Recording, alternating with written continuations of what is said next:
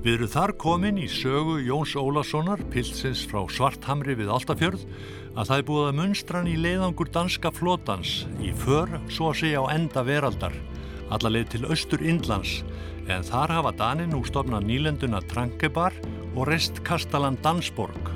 Árið er 1622.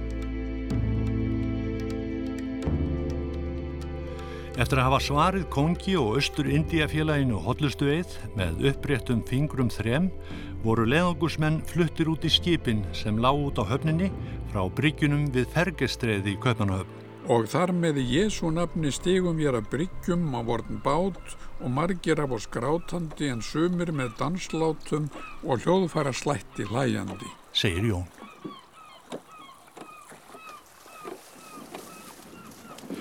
Þegar út á höfnina var komið á leið til skips vildi svo illa til að bátur Jóns rækst utan í annan léttabát sem kom aðvífandi og þar sem Jón sat á borstoknum kræktist akkir í bátsins í rassbótin á buksum Jóns og kiftist hann þannig upp í hinbátin þegar hann skreið framhjá.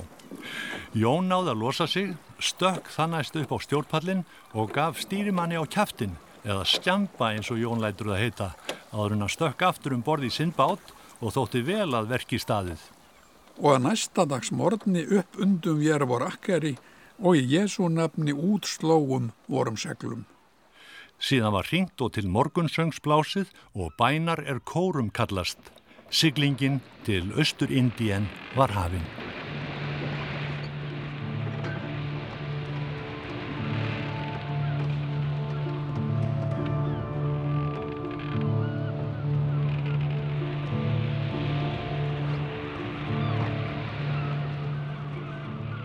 Óskaplega voru þessi stóru flottu skip máttu þessum lítilskakvart náttúrunni. Þórun Jarla Valdimástóttir, sakfræðingur. Þetta er náttúrulega mjög skemmtilegt mál finnst mér, þetta er dönsku skotið, slettir og það voru ekki svona skýr mörg á melli tungumála eins og við gerðum með því að frista íslenskuna og gera að reyna að halda fjölnismanna hérna, viðmiði í íslenskunni en hann slettir auðvitað mest dansku og það danska er mest týst. E, það er merkilegt að hann er mjög góð penni.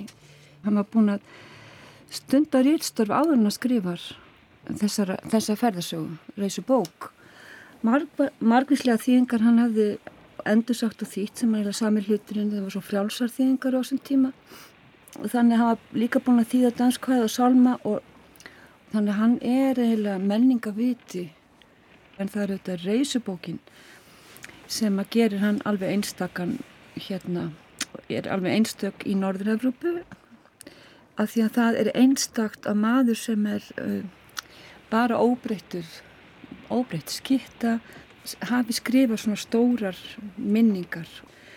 Af því að uh, aðallin sér lífið allt öðruvísi heldur en hann og en, en hérna um, hann sem sagt er kvatvís og þess vegna lendir hann í öllum þessum ævintyrum drífið sig í skip og allan þennan háska Helgi Þorláksson, sakfræðingur Þetta voru stórtíðandi 16. aldar þegar Portugali fóru þarna austur sóttu sér krydd og stórgrætt á þessu þannig að aðri fylgdi kjálfarið og hollendingar náttúrulega fóru þarna austur og, og unna mikil afreg og aðri vildi svo gera eitthvað svipuð hollendingar. Hollendingar voru þannig mikla fyrirmynd sko í því hvernig átt að haga sér og hvað átt að gera.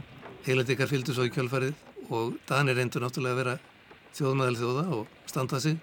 En þá vissi Kristján Fjórð ekki betur en að Danir veri stórveldi þarna 1620 þannig að hann náttúrulega fylgdist algjörlega með nýlendu kapplaupi, hann var á kafi náttúrulega í kaupauðgistefnunni og hann hagaði sér náttúrulega eins og vestur-Európi þjóðir gerðu á þessum tíma hollendikar og englendikar fór sömulegði til þess að abla tekna og græða.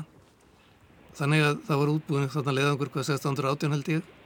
Og Jón vildi nú endilega fá að vera með þá en hann fekk ekki að fara. Hann var þá í lífverðin hann í tí húsinu en e, svo 1622 var undirbúin annar leiðangur og þá fekk hann að vera með En aftur á okkar manni. Jón er 23 ára gammal, komin um borði í danst herskip á leið á enda veraldar. En hvað er það sem rekur okkar mann áfram? Hann fer þarna á þessum árum upp úr 20 millir 2030. Það er bara sko universal sko. Það er alltaf sömu lutin sem gerast þar. Mennur bara sko átt að segja hvert hlutskipti manna er sko. Völundur Óskarsson, sakpræðingur. Og einhvern veginn að fá einhvern botn í þetta sko. Hvar, hvar menn er að staðsetja sig. Og menn eru kannski að reyna að halda menn séu frjálsir af sér. En eins og náttúrulega kemur þið í ljós þá er svo ekki. Þetta er líka manns eigin reynslu bara.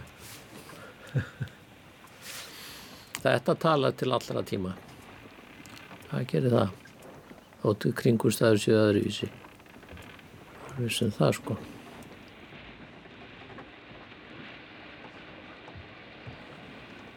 Og þetta var bara það sama og, englendikar og hollendikar og portugalir og aðri voru að gera sko. Senda skip þarna austu til þess að sækja varning sem ætti hagnast á og þá er það aðlega þetta svo kallega krydd sko, sem að mennur á höttunum eftir en þetta reyndist mjög hagkvæmt þrátt fyrir að hérna, skip færust og menn var að týna líf og svona þá var það þessi stórgróði skilsmanni og Danir vildi vera með og græða.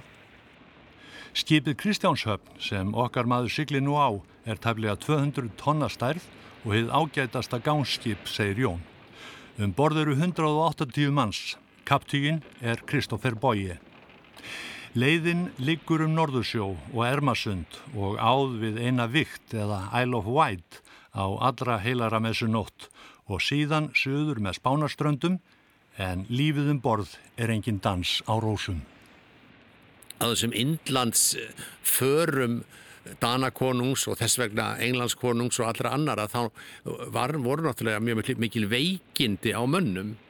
Óttar Guðmusson, gæðleiknir og hann lýsir þarna skirbjú sem var náttúrulega landlægur á þessum skipum þar sem að menn voru með mjög einhæfan kost og, og það sem vantaði náttúrulega ákveðin vítamin, sérstaklega C-vítamin og þá fá þeir þennan skirbjú sem að einkennist af sárum á líkamannum og, og blæðingum úr tannholdi og oft missa menn alla tennurnar og, og þínir þannig að menn verða mjög veikir af, af skirbjú.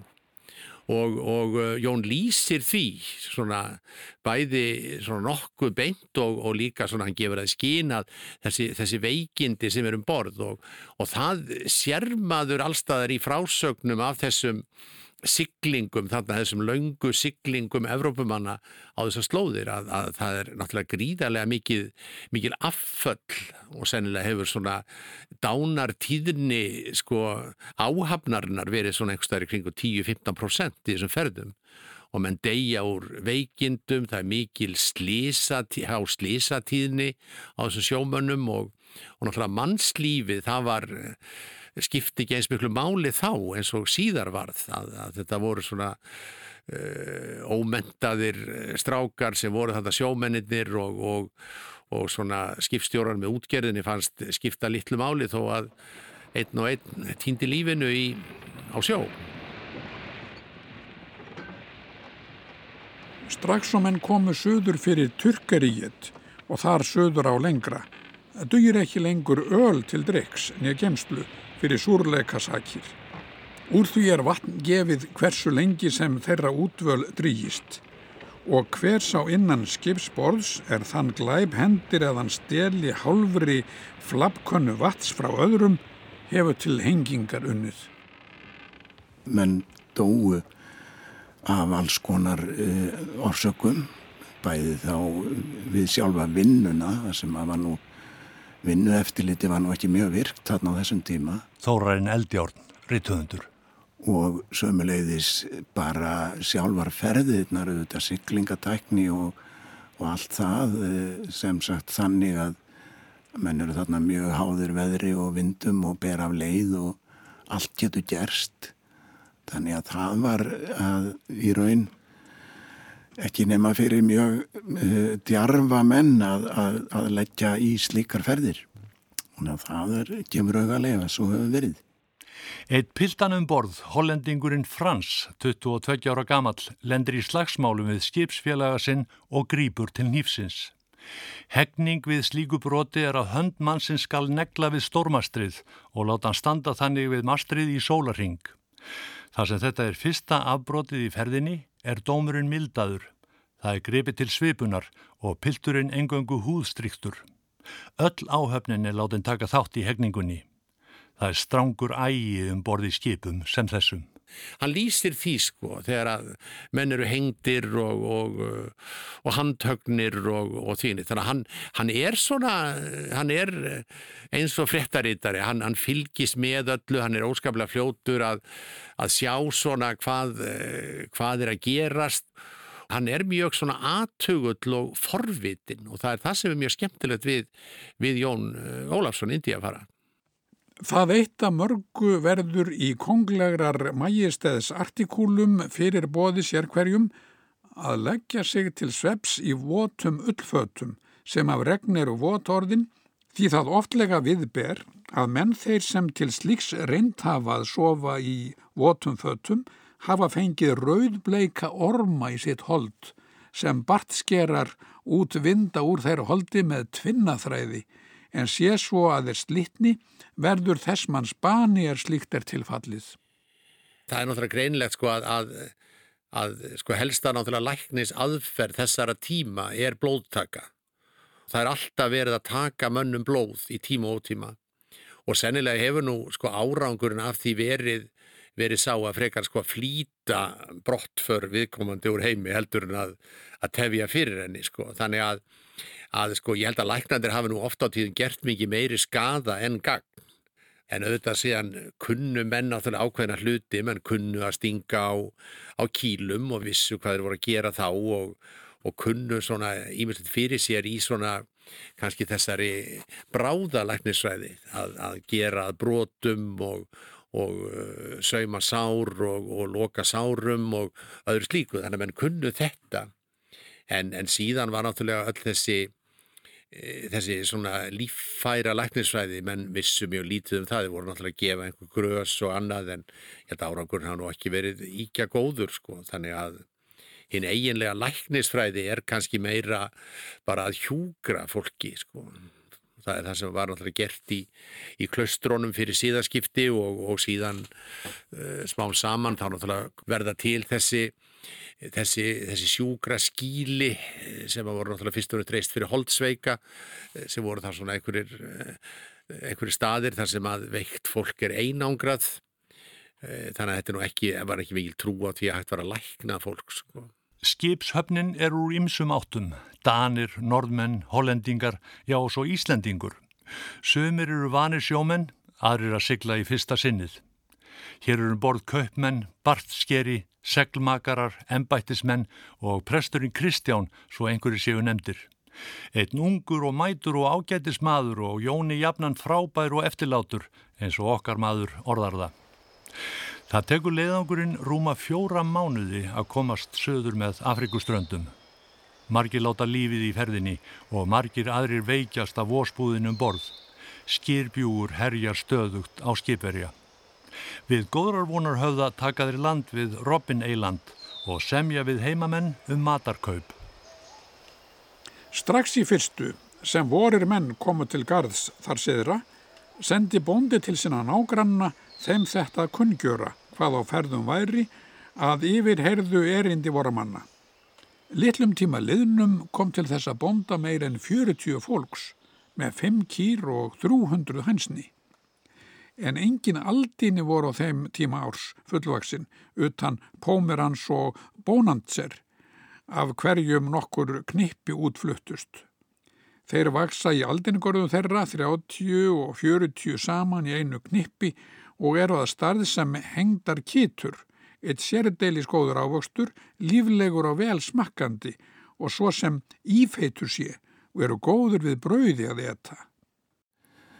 Mér þótti afskaplega eh, skemmtilegt það sem hann segir um þennan fær banana sem hann kallar reyndar bónandser en um, fræðimenn hafa sagt að þetta séu, séu bananar og hann lýsir þeim einhvern veginn svona að, að þetta sé einn sérdeilis friskur og vel smakkandi ávextur og ekki ólíkur í útliti eins og hengdar kétur sem munu vera einhverjar lundapísjur eða, eða einhverjir fugglar sem hafa verið hengtir upp til þörkunar þarna á vestfjörðum og eru góðir við brauði að hafa.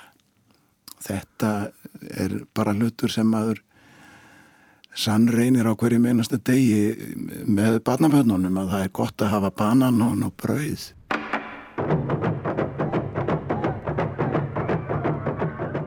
Viðskiptin við heimamenn á Afríkuströndu eru með ímsu móti. Margir innfættir eru hrættir við komumenn og þeir reynda líka við þá innfættu. En það fólk að þar bjó vildu eini að voguðu oss að finna. Víða fundum við þeirra vistir við ströndina þar sem þeir veiða fiskinn í sínum netum. Þar strax steikja þeir þá og matgjöra fyrir sig. En upp á fjöllunum, sem að eru öll með miklum skógi og dýrlegum grösum og blómsturum vaksinn, þar kynntu þeir stort bál, hvar margt fólk stóðum kring en ei vildu þeir ofan koma til vor, enda voguðum vér og ei upp til þeirra. Sumir myndu að þeir myndu bendu oss upp til sín með sínum bálloga til að finna sig, en aðrir myndu til þess að tæla oss í sínar snörur. Þriðju myndu þetta vera þeirra afguðabál. Á Robin Eilandi lágu skipverjar við í 14 dægur, segir Jón í dagbóksinni. Við reynsuðum skipið og bygguðum en það var þakkið slíi og hrúðrað eftir siglinguna. Hann lýsir heimamönnum sem hann hittir og kallar kaffera. Þeir eru svartir, brosleitir, hýregðir og rökkinharðir en þó mót líka sem á unglömbum er þeirra hár. Þeirra neðri vör hangir nokkuð með snjókvítar tennur í munni. Þessir þrýr dönsuðu fyrir oss bæði á landi og á skipi fyrir brauð og klúta og naktir gengur þeirra utan fyrir síni blíðan. En svo var þeirra dansleik háttað að undir eins og þeir kváðu og sögðu hottentott, þá sprettu þeir með sínum tveimur fingrum og með síni tungu og fótafari svo alltaf fyldist. Þessir þrýr lofuð oss einni kú til for frískunar fyrir oss, svo mjög höfðum við þess þörf, því flesta voru fólki tók til að svingast í limaburðum og styrna í viðvikum, en þó blóðtökur og burgatsýur væru tíðkaðar í reysunni. En við fórum fyrr en þeir aftur komu, en launin hálf tóku þeir út áður. Leiðangurinn hefur líka viðkomu á Madagaskar, þar sem áhöfnin kaupir hrísgrjón, bómull, sigur, sídrónur og krydd. Þeir sigla sem sagt um Afríku og hann er kannski fyrst íslendingur sem gerir það, sem tekur tíu vikur. Þorvaldur Friðriksson, sakfræðingur. Og þeir lenda í alls konar frumstæðum þjóflokkan sem að skjóta á þá þegar þeir að ná sér í vatn á ströndinni. Á Kómóra eigum eru ávestir einni teknir um borð og svo vatn og kjöt til að nota í förinni yfir hafið til Indlands. Jón nefnir það í skrifum sínum að skipstjórin og hans menn hafi notast við stjörnumerkin sem fyrr til að vísa veginn yfir hafið en Guð gaf oss náð til og lukku. Hann nefnir líka að þeir hafi notað kompás en það mun vera í eitt af fyrstu skiptunum sem slíkt tæki og slíkt orð kemur fyrir í íslensku máli. Nú síðan komaður til Ceylon og hann er ekki hann er ekki fordumaföllur gagvart uh, sko hinduisman, hann lýsir hinduismanum mjög vel. Þetta er örgulega fyrsta lýsing sem Íslandingar hafa af, af hinduisma. Allir þessi guðir, hérna, fílaguðin og hvað er heita allir og, og bálfarir og, og þetta er gríðarlega merkileg lesning, fróðleg lesning. Indía sem við köllum Öst-Indien er mjög stort kostulegt land. Það grensar til Persia með vestursíðunni, norðan til við Indía eru nokkur tartarísklönd, í mótu austri er Kína og það mikla haf og líka einnin sunnan til. Í þessu landi eru miklar perlur, gimsteinar, dýrleg aldinni og krytti og annur dýrleg og kostuleg vara sem þaðan flist hingað í land. Jón og félagar hans eru komni til Indlands eftir langa og stránga siglingu sem hefur kostað fjölda mannslífa. Virkið Dansborg blasir við á ströndinni við Bengalflóan, föl bleikt á lit í brennandi kvöldsólinni.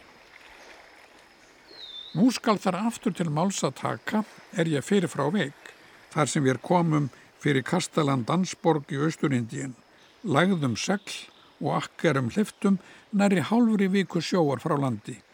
Létum voru að flög fljúa á stórtopp, skutum þremur stykkjum og létum í trómet blása og með því að eitt skip útsend frá Danmörk fyrir hálföðru ári láð þar fyrir er við oss lagtókum sem kallast Vaturhundur en á öðru nafni Sankti Lorenz skutu þeir þrjú skot aftur og mótu oss til æru, uppsettu sitt flagg og blésu í sín trómit. Þetta er bara hvitur lítill kastali algjörlega á, á, á, á flatri strönd sko og þarna er landfrega flatt. Hjónin Bjarni Harðarsson bókaútgefandi og Elin Gunnlaugsdóttir tónskáld. Ég er ekki vissum að séu henni virkisveggir í kringu þá og, og þetta er í dag sapn sem sagt um, um þennan, þennan tíma. Mér minnum að þetta hafi bara verið tvær hæðir, þetta var ekki verið meira. Þetta er kannski ekki mikið meiri bygging heldur um margar svona uh, villur.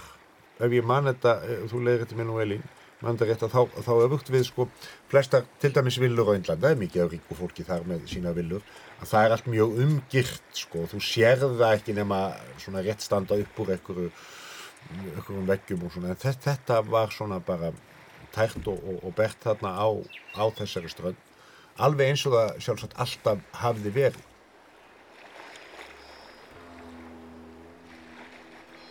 Við komum eldsnum á morgun sest, í bæ nálagt trangubar og tökum eins og maður gerir þetta alltaf mikið á Índlandi að maður bara tekur legubýr þau kosta skíðu kanal og hann sérst keirir okkur til trangubar og var örgulega mjög hiss að þau verðum að fara þanga og setur okkur út þar og þá sér maður, þetta er alltaf nefnilega skemmtileg sér strönd þarna í Tamil Nadu. Hún sérst nær alveg hérna frá eila trangubar og norður til Madras að þetta er svona voru svo mikla nýlendur að það þannig að maður sér sko, maður getur ferðast með ströndina og maður fer eiginlega alltaf inn í sko, þetta er mjög fljóðlegt að ferðast til annar að landa þannig því maður er alltaf konið inn í annan arkitektúr eins og í Pondicherry sem er á þessu strönd sem var, var fran, Fransborg. Þá er maður konið í franska stafning og maður kemur sérst að það í Trangubar þá er þetta svona gul hús mjög svona dönsk. Mér minnir að vera tvær kirkjörna í svona lilla bæ. og ein, það var opið eitt tehús að það elsta á morgun. Og við vorum við þetta svöng og fengum okkur strax te og hérna svona djúbstektar ykkurar kökur. Já. og svo man ég líka að við fórum að lappa næst um, um morgunum við erum rosalega þreytt og þá eru malbyggur á framkvæmdir og það fælst eila þannig það er þannig að það er bara einn svona steipi vel held ég eitthvað og síðan er ykkur með sópa. Og eru svona að reyna að dreifa þessu. Þannig að já og það er þess þarf alltaf svolítið marga í hvert verk á Índlandi sem verður þetta mjög gott af því að fólki er mjög margt en þess að síðan við vorum bara held í dalsreitt þannig að við löpum hann inn í kirkju og ég mani ég svona hálf sopna í þessar kirkju. Og það er svona ótrúlega kyrðan af því það er, þetta er Índland er þetta, maður er alveg stöðugt áreitt að vera á Índlandi en þarna var svona frekar rólegt að þetta er lítið þor. Og já og það er eiginlega kannski þarna þessi minning þarna í þessari kirkju þarna við sjóin að hún verður svona kannski svona, svona þessi hugrif sem að gera, verða það verk að ég skrifa þetta verk, þessi tónverk um þess að þennan morgun í Tarangambati það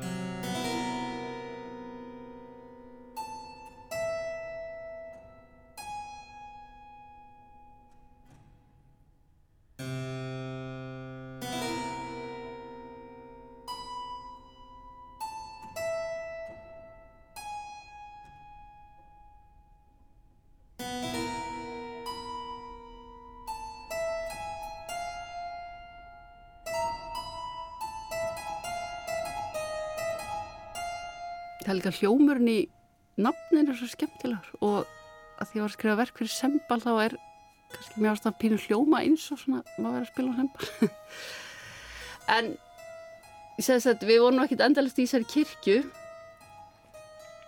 að við fórum svo bara að labbaðnum og við erum alltaf með hana leikubílstjóra með okkur og það er bara maður indir er svo indislega tímalauðsir og maður bara segir við að við förum núna í fjóra tíma eða komum aftur eftir fjóra tíma og þú bara býður og þeim finnst það ekkert mál. Þeir bara sofið bara í bílnum eða eitthvað. Þannig að við erum bara þarna fyrir nýra sjó. Og þar sjáum við þessa báta sem að Jón Indi að fara tala um. Og síðan er þarna þetta virki sem hann er í kastalinn Jón fylgist grant með störfum indvesku sjómanana sem róa til fiskjar við kastalan í Trankebar enda sjálfur vanur útræði vestur við Ísafjörð. Netsín hafaður í körfum, segir Jón, svo þau glatist ekki nær þeirra bátar velta um hvað oftlega við ber en fiskararnir, segir Jón, eru syndir sem selir. Já, já, hann er náttúrulega starfsýnt mjög á náttúrulega, já þetta er til dæmis þessi hóf bara þessa, þessa hérna, guðstrú þarna fyrir, fyrir austan sem að náttúrulega þó, honum þótt eðla eins og öllum öðrum að þarna gengjum menn í miklu myrkri og væri aðhafast eitthvað sem að væri náttúrulega já, þeir væri ekki búin að rata rétt að leið. En þeir eru frakkir og fara að skoða þetta og þessi er bannað og svona sko lýsingar að er líka bara af svona alltíðu fólki svona og hvað það var aðhafast og hvað, hver var upp í þeirra búskap og allt þetta, hann segir vel frá þessu öllu. Og var vel til vina, hann náttúrulega var með sinn svona skósvein. Og þeim var vel til vina og, og svo var hann náttúrulega upptekina svona tungumálinu og var eitthvað, já já, setti niður hann einhver orð sem hann hafi lært hann í hindi eða, já í bókina Já, svo er einhverja grópsugur hann náttúrulega, það var sigraðist hann á, á hérna einhverju glerugnaslöngu eða hvað það var. Var hann þarna mikið frækilegt afreg og var elskaður eins og ofta áður af því sem hann gerði. ah, já, já. Og náttúrulega eru mjög mikla lýsingar á alls konar hérna, það var að koma hann einhverju prelátar á fílum, það lýsið þessu öllu mjög vel sko og svona þessum stóru hérna þetta er kallað, er kallað á ennsku juggernaut. Það er svona miklu vagnar með svona goða líkneskjum sem er draga þarna yfirleitt í svona í hérna svona serimónium sko. Lýsið því líka mjög vel. Og það minnir maður líka á alla lýsingarna frá kaupanahöf sko. Svona upptökin af öllu sem er eh, svona ykkur glæsilegu og það er létt með að lýsa því nákvæmlega sko Ég held að hann hafi bara verið óvægnu minnugur. Hann hefur verið það, hann lítur að vera. Þetta skólast eitthvað til en ég menna að þetta, er, þetta stennst í svona í grundvallaratriðum, held ég. Guðnþórun Guðmundsdóttir, bókmentafræðingur. Hann er náttúrulega ofta tiltaka þó hann skilja ekki alveg trúabröðin sem hann er að lýsa eða uh, trúa siðina þá, þá er hann ofta að lýsa þeim svona í, í, í hérna af ákveðinni sko, manni finnst ákveðin ripning í, í sumum lýsingum hans af, af þessum framandi trúabröðum sem hann sér en sem síðan alltaf endar á þess en það er nú gott að við séum ekki hérna bundur við svona hérna einhverjar fantasíur eins og hann segir einhver tíma heldur erum almennilega kristinn og, og þetta átti náttúrulega eftir að verða mikið partur af öllum þessum hérna já heimsvalda stefnunni er náttúrulega að hérna, kristna liðis bara fyrir einhvern sem hefur aldrei séð neyn hátíða höld af nokkur öðrum toga þá er þetta náttúrulega byggingar sem þú ert að sjá veist, klaðinaður og framvegis, framvegis. Auðvitað er þetta ákveðin exotisering líka af því að hann, eins og við segjum við, hann, hann veit náttúrulega ekki alveg er, hverju hann er að lýsa oft. Já, bara svona yfirborðs, yfirborðskent og auðvitað er líka þessi tví, þessi skil, að skipta okkur í, í hérna, okkur og hýna, það er náttúrulega, eh, þá verður alltaf þessi framandgerfing, sjáu hvað þau eru ólík okkur, sjáu hvað þau eru allt öðruvísi. Og sjáu hvað við eigum lítið sameigilegt sko.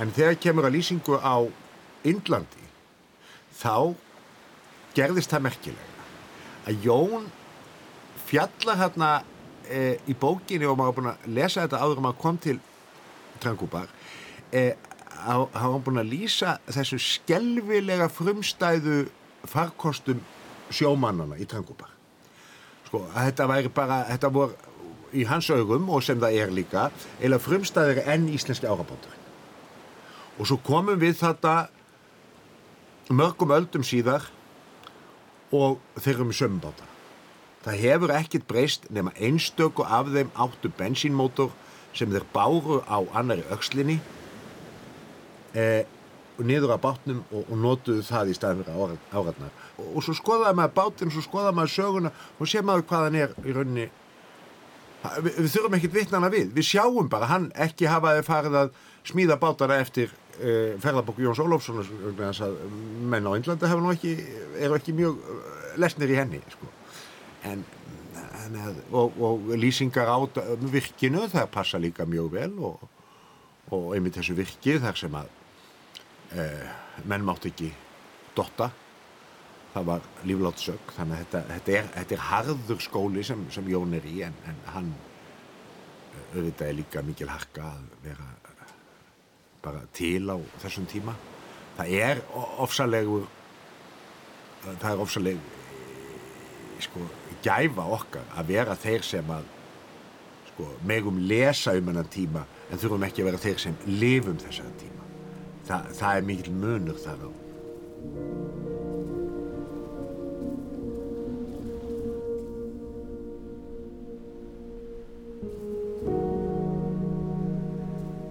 Hér átti okkar maður eftir að dvelja næstu tvö árin tæp og kynast heimi sem var öðruvísi og svo gjör ólíkur öllu sem þessi piltungur norðan af Íslandi þekkti og kunni skil á. Hann hefði alltaf geta verið stattur á einni af stjörnum heiminfestingarinnar. En hann var hingað kominn sem hermaður Kristjáns fjórða og honum skildan þjóna og um leið og í land kom hófust æfingar hjá setuliði Dansborgar Kastala.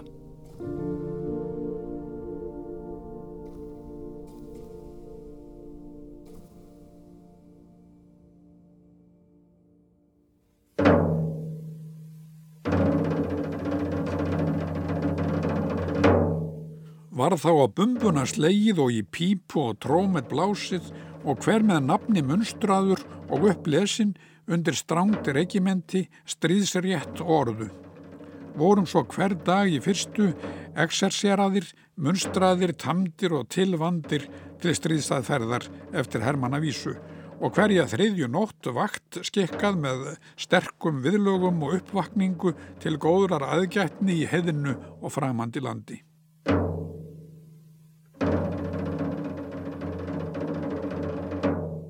Skamt frá virkinu þar sem Jón stendur vörð er markaður bæjarbúa og þangað reykar sveitapilturinn Jón þegar hann þarf ekki að standa sína plikt í virki konungs. Á þessu staðarins kauptorki eru aldinni hansni, egg, fiskur, ferskur margskonar, ítem kopar og látúnsverk með mörgu móti, katon, silki og margslags vefnaður og alls konar aldinn kjarni, einnin gulls og koparmynd til kaupshaldið daglega í svona ferðarsögum þegar verður að lýsa svona framandi löndum, ekki síst austurlöndum að þá er náttúrulega oft verið að tiltaka þegur hvernana og eða þá að hérna það eru ímis sko svona, svona ótrúlegar giðjur eða það eru stór hættulegar og, og geta tælt og, og farið íla með þau og allt það þannig að það er svona þessi tæling austurlanda sem verður síðan að ennþá meira svona mótífi í, í 18. og 19. aldar ferðabókmyndum og öðrum, öðrum tekstum eins og, eins og sýnt hefur verið fram á. En, en þarna er það mjög fer mjög lítið fyrir því. Af hverju? Þetta er kannski ekki, húnum ekki þótt nú og kristilegt sko að fara að tiltaka þetta eitthvað leiti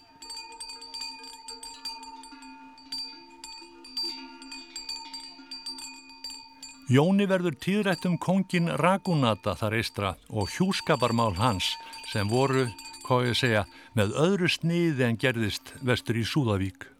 Kongurinn að auk sinnar drottningar hafði nærvér fyrstar komum 900 frillur en síðan aflagði hann úr þeirri tölu 300 við sinn són en eigi þær sömus og hann sjálfur hjælt 600 úr því í sínu syndaregistri. Þessar hans frillur heldu einn veglegan og vel tilrættan sál með giltum pílárum í kring og gluggum úr kristallusgleri. Að þessum sál gekk kongurinn daglega sér þá að útvelja til holdlegrar sörgunar er hans hjarta í hvert sinn út kjöri. Þær plaga sig daglega að smyrja og eru með dýrmætu skarti prítar og nær sem kongur deyr hljóta allar að brennast með honum lifandi. Skömmu eftir komuna til Dansborgar á meðan seglskipið Kristjánsborg lá enn á legunni framann við virkið verða Jón og félagar hans varir við gríðalett skrimsli svamlandi sjónum skamt frá skipinu.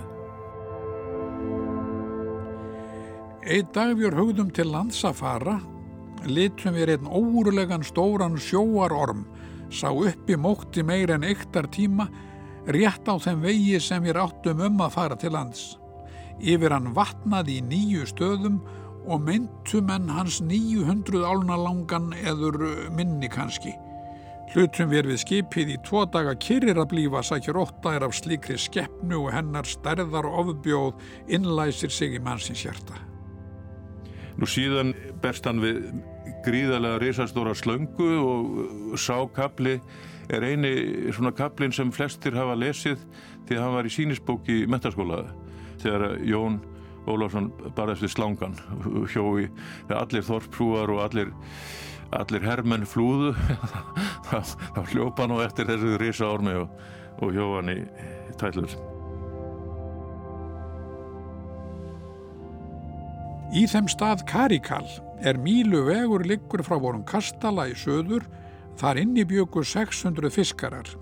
Þanga gengum ég í þrjár reysur og ságum upp á um veturinn að þar vorum daga 300 ungir piltar sundlistalæra, 10, 12 og 16 vetra, langt fyrir framann breymbrót, svo einn Fiskarasson meðtekur sama ennbætti sem hans fadir hafði haft og allir hljóta þeir í sundlist útlærðir að vera.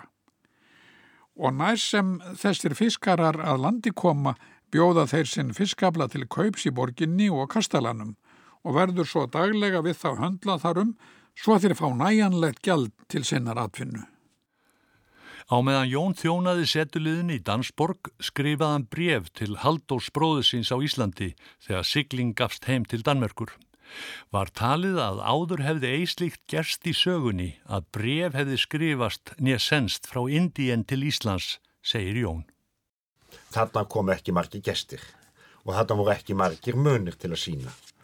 Maður hafði svona alveg eins og tilfinninguna, tilfinninguna að við varum að skoða sko, eitthvað sem hefði verið safn heldur en að væri sko, en þetta var samt opið og það var maður aðna en það er alveg mjög venjulegt á Índlandi að margt er ennþá við líði þó það sé kannski alls ekki við líði eh, Índlandi er svolítið þannig það, það er, tímin er, er, er alltaf mjög eh, fljótandi og, og þráttur þetta ofsalega sko dýnamíska harða samfélag sem að þrengir aðir allar og allar hliðar þá kemur alltaf líka öðru kvoru inn í svona alveg ótrúlega ríkfallna veröld. Og það var hún sem mætti mann inn í þessu sapni sko. Veröld sem í raun og veru var alls ekki sko eða var bara eitthvað þegar þú varst að ganga inn í og, það, og mér fannst þetta sapn heillandi einmitt að því að það var ekkert. Uh, kannski að því mér finnst oft ekkert vera mjög heillandi sko. þetta miklu meira heldur en það sem er sko það, það sem æpir á mann. Ég held í munið að þetta hefur verið gammal maður sem að sínda okkur safnið og hann hefur verið frekar svona já já hann var frekar áhuga lítill um okkur og líkum safnið og það var svona bara frekar þægilegt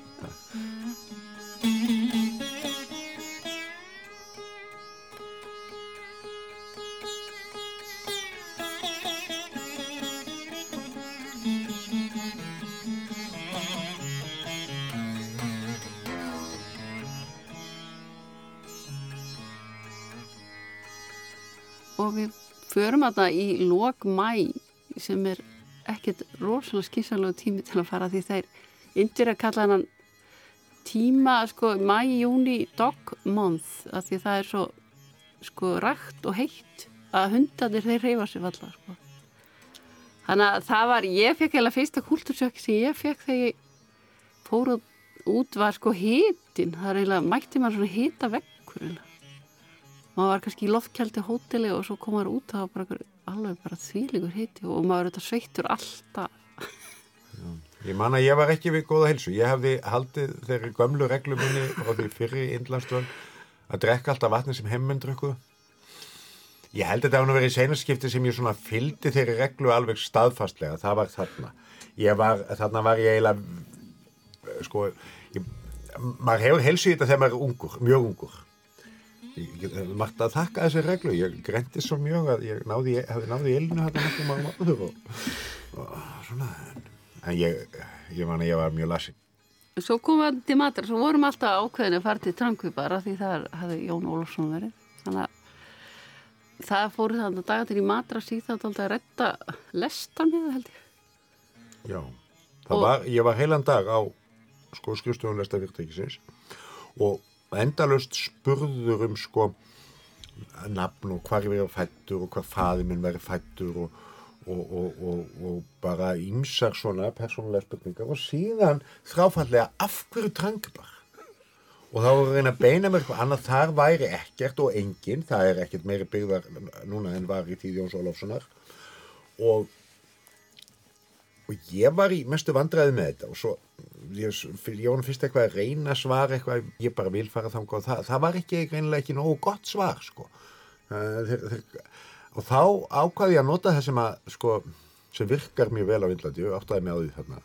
Ég sagði, sagði þetta verið pílagrinsferð Índveri er, eiginlega öll ferðalög Índveri eru pílagrinsferð en ef þú segir að þú sér bara þetta er pílagrinsferð þá er það bara þá, þá þetta ég ekkert að ræða það meira og þe þetta var alveg satt þetta á svona menningaleg pílagrinsferð á Slóður Jóns það er einhvern veginn að geta tengt sko Íslands svona, svona, svona sko fyrrialda Íslandssögu aftur inn í þessi uh, ferðalög sko ég er nú kannski kannski beinleginis sko háður því að lesa þær bókmænti sem eru kallaðar Íslands nefntobak og að geta sameinað sko þessa, þessa tvo þætti í mínum fari ferðabrjálsemina og og svo, og svo þessu, þessu sífældu leitað einhverju einhverjum, einhverjum kjarnar í Íslandssögunni ja, þetta var þetta var, þetta var mikið allavega. þetta var mikið ég er ekki að segja að þetta við breytt mér eitthvað en þetta var mikið Hvað með þig Elin? Jó, mér fannst að þetta var svona einhvern veginn bara þessi, þetta var eitthvað svo kyrlátt eitthvað. Og eitthvað svona mikilfenglikt í í sinni svona í þessari kyrð eitthvað neina ferðast eitthvað neina tilbaka. Og þó ég hafa kannski ekki kynnt mér sögu Jóns Ólarsson mikið þá þá er smitt aldrei merkjöld að vera á stað þar sem hann hafi staði, hann stóð þarna vaktina þetta. og svo fannst mér reynda líka mjög gaman að sjá þess að hérna sjómun þeir vorum við að gera aflanum og vorum komið land þegar við vorum hann að ganga á strandina það var, það var ótrúlega gaman að þetta er bara einhverju þetta er svona breyðar spýtur sem þeir eru að fara út á. Þannig að, það, að þetta var eiginlega alveg ótrúlegt að þeir skildu bara komast hana út og geta veitt hana þannig að já, mér fannst það og svo var líka bara ótrúlega gaman að, að keira hana með, með ströndinni síðan norður aftur til matras og sjá alltaf svona þetta hvernig bæði breytist út frá því hver, hver hafi ráðið? Það sem ég fann svo vel var það að þarna þá var ég á nákvæmlega sama stað og hann var á. Ég er ekki vissum að það, það er ekki, ekki eins auðvelt að fá þá upplifun í Kaupmannahöfn eða við Ísafjörðardjúb þar sem að uh, hlutir hafa að sumuleiti breyst meira eða, eða, eða menningaminjar uh, eins og í djúbinu menningaminjar um, um tíma Jóns eru hortnar en þarna var í grófum dráttum bara alveg sama þorpið og hann talað um. Og sami gróðurinn og það var svo, það var svo margt sem að maður bara sá alveg í, í þessu umhverfi og sem hafði, það var fleira heldur en bara fiskibátarnir eða þessi, þessi prammar þeirra sem, já, þetta er eiginlega, prammar með, með sko tveimur svona stokkum sem að, að fjallir og svona eldir á milli. Og, og þannig heldur þetta einhverjum, einhverjum balans. En mér fannst ég vera þarna sko svo miklu meira að feta fótspór Jóns heldur en, heldur en annar staði þar sem, að, þar sem við fórum. Madras er náttúrulega og, og slíkir staðir eru mjög nútímalegir á Índlandi en svona sveitaþorpiðar þau eru og ég fann þetta sama þegar ég kom þángað núna fyrir tveimur árum að, að ennþá eru sveitirnar á Índlandi mörguleiti mjög svona já, forneskjulegar og, og tærar, sko, þetta er ákveðin fegur þó að séu þetta líka ákveðin, já, það, það, það, það er allt af öllu þar. Á öðru ári Jóns á Indlandi verður hann fyrir slísi sem markaði endalók á veru hans þar eistra og öllu jafnframt ströngförfum í lífi hans.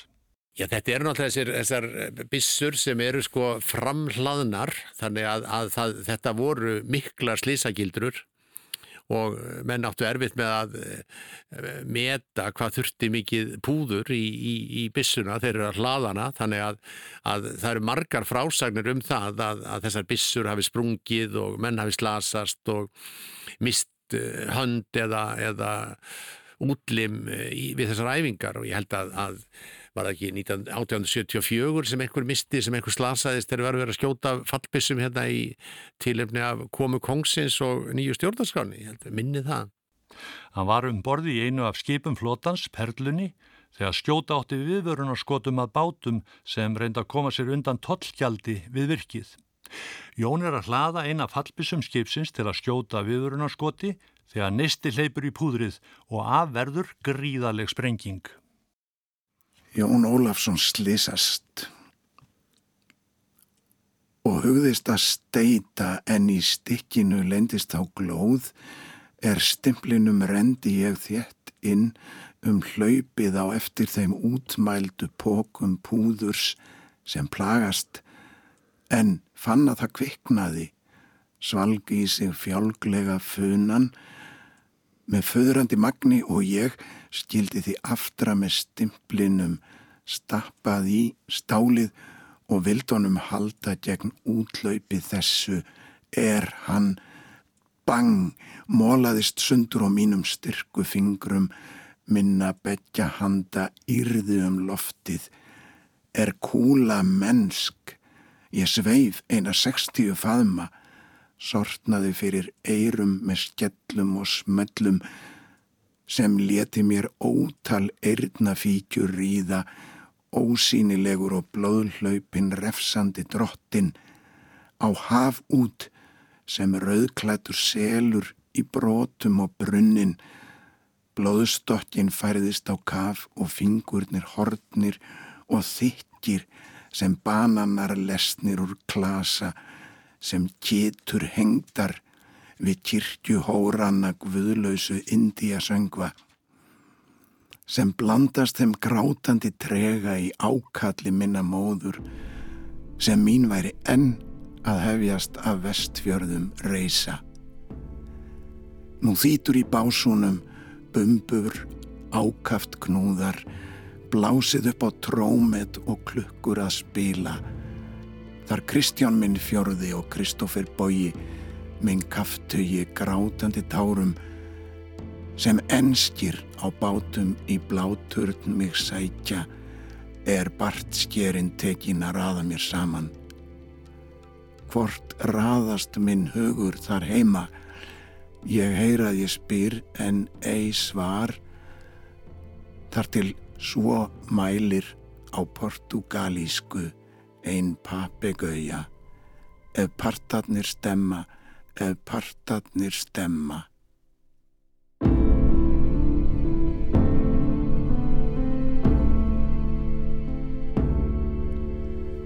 Og í því sama bíli kastaði stikkið mér 60 faðma lengt af sér og frá skipinu.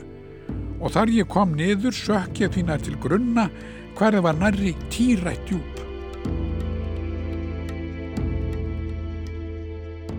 Það kemur berlega ljós þegar hann þakkar Guði líkjöfuna þarna þegar hann springur í loft upp og þeitist 60, 60 faðum að hafa út og, og niður á botn. Það þegar hann er að reyna að komast upp úr kafinu að þá er hann í beinu samband við Guð. En annars er hann ekki að, að sko alltaf að predika neitt eða hann er ekki að pyrra fólk með einhverjum trúar vesenin einu hann er bara sann trúað sjálfur og, og, og það er það sem er hans eh, svona haldreipi. Og það er sérstaklega merkilegt þegar, þegar að springur á hann þetta fallstykki þegar hann springur í loftu og þeitist 60, 60 faðum að hafa út og, og niður á botn. Að, að þegar hann er að reyna að komast upp úr kafinu þá er hann í beinu sambandi við Guð og það hljóma svona Í því sama byli kastaði stykkið mér 60 faðma lengt af sér og frá skipinu og þar ég kom niður sökk ég á því nær til grunna. Hvar eð var næri týra djúb og á meðan ég var á ferð ofan eftir kafinu bífalaði ég mína sál í hendur almáttugum Guði og vonaði ei meir til þessa lífs að komast. En nær ég fann aftur viðleita vildi með sundi mér að bjarga ef skemætti gat ég ei með höndum tekið fyrir minna begja handa brotnum fingrum en fyrir Guðs sérdeilis náðar aðstóð fekk ég fyrir fóta aðfyld og meðal upp á sjóin aftur komist. Heiður, lof og þakkargjörð, veri og veitist, sé og syngist því blessaða og dýrðarfulla nafni vor skuðs, sá er sína náð og miskun og gæsku let á mér, svo föðurlega og lengindarsamlega auglýsast langt um framar en ég, auðmur og óverðugur, hafði forskuldað eður tilverkað. Heldur all eina sína náð hér með að bevísa öllum trúuðum til styrkingar, hugunar og digða aukningar svo hans heilaga nafn mætti því heldur veksamast og elskast og hans dásendarverk í minni leggjast af mér og hans trúuðum og með þakklæti mætti þar jafnan á minnst verða.